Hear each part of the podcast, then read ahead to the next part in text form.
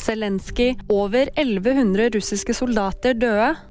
Nå kommer snøen igjen. Og siktede nekter straffskyld etter Tøyen-knivstikking.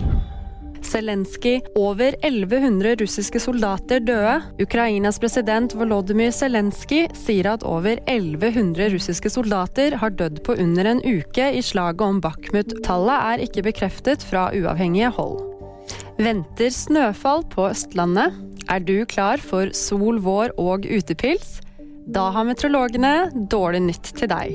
Snøvær skaper søndag kveld allerede trøbbel på Sørlandet, og mandag er det sendt ut farevarsel for snø også på Østlandet. Det kan komme opptil 20 cm snø på 24 timer, og Veitrafikksentralen ber bilister å beregne ekstra god tid.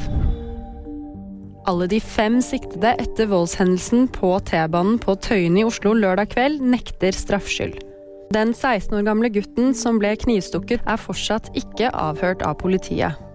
Han er operert, og det virker som han skal klare seg, sier mannens bistandsadvokat Helene Elnes til VG. Det var VG-nyhetene. De fikk du av meg, Claudia Leck.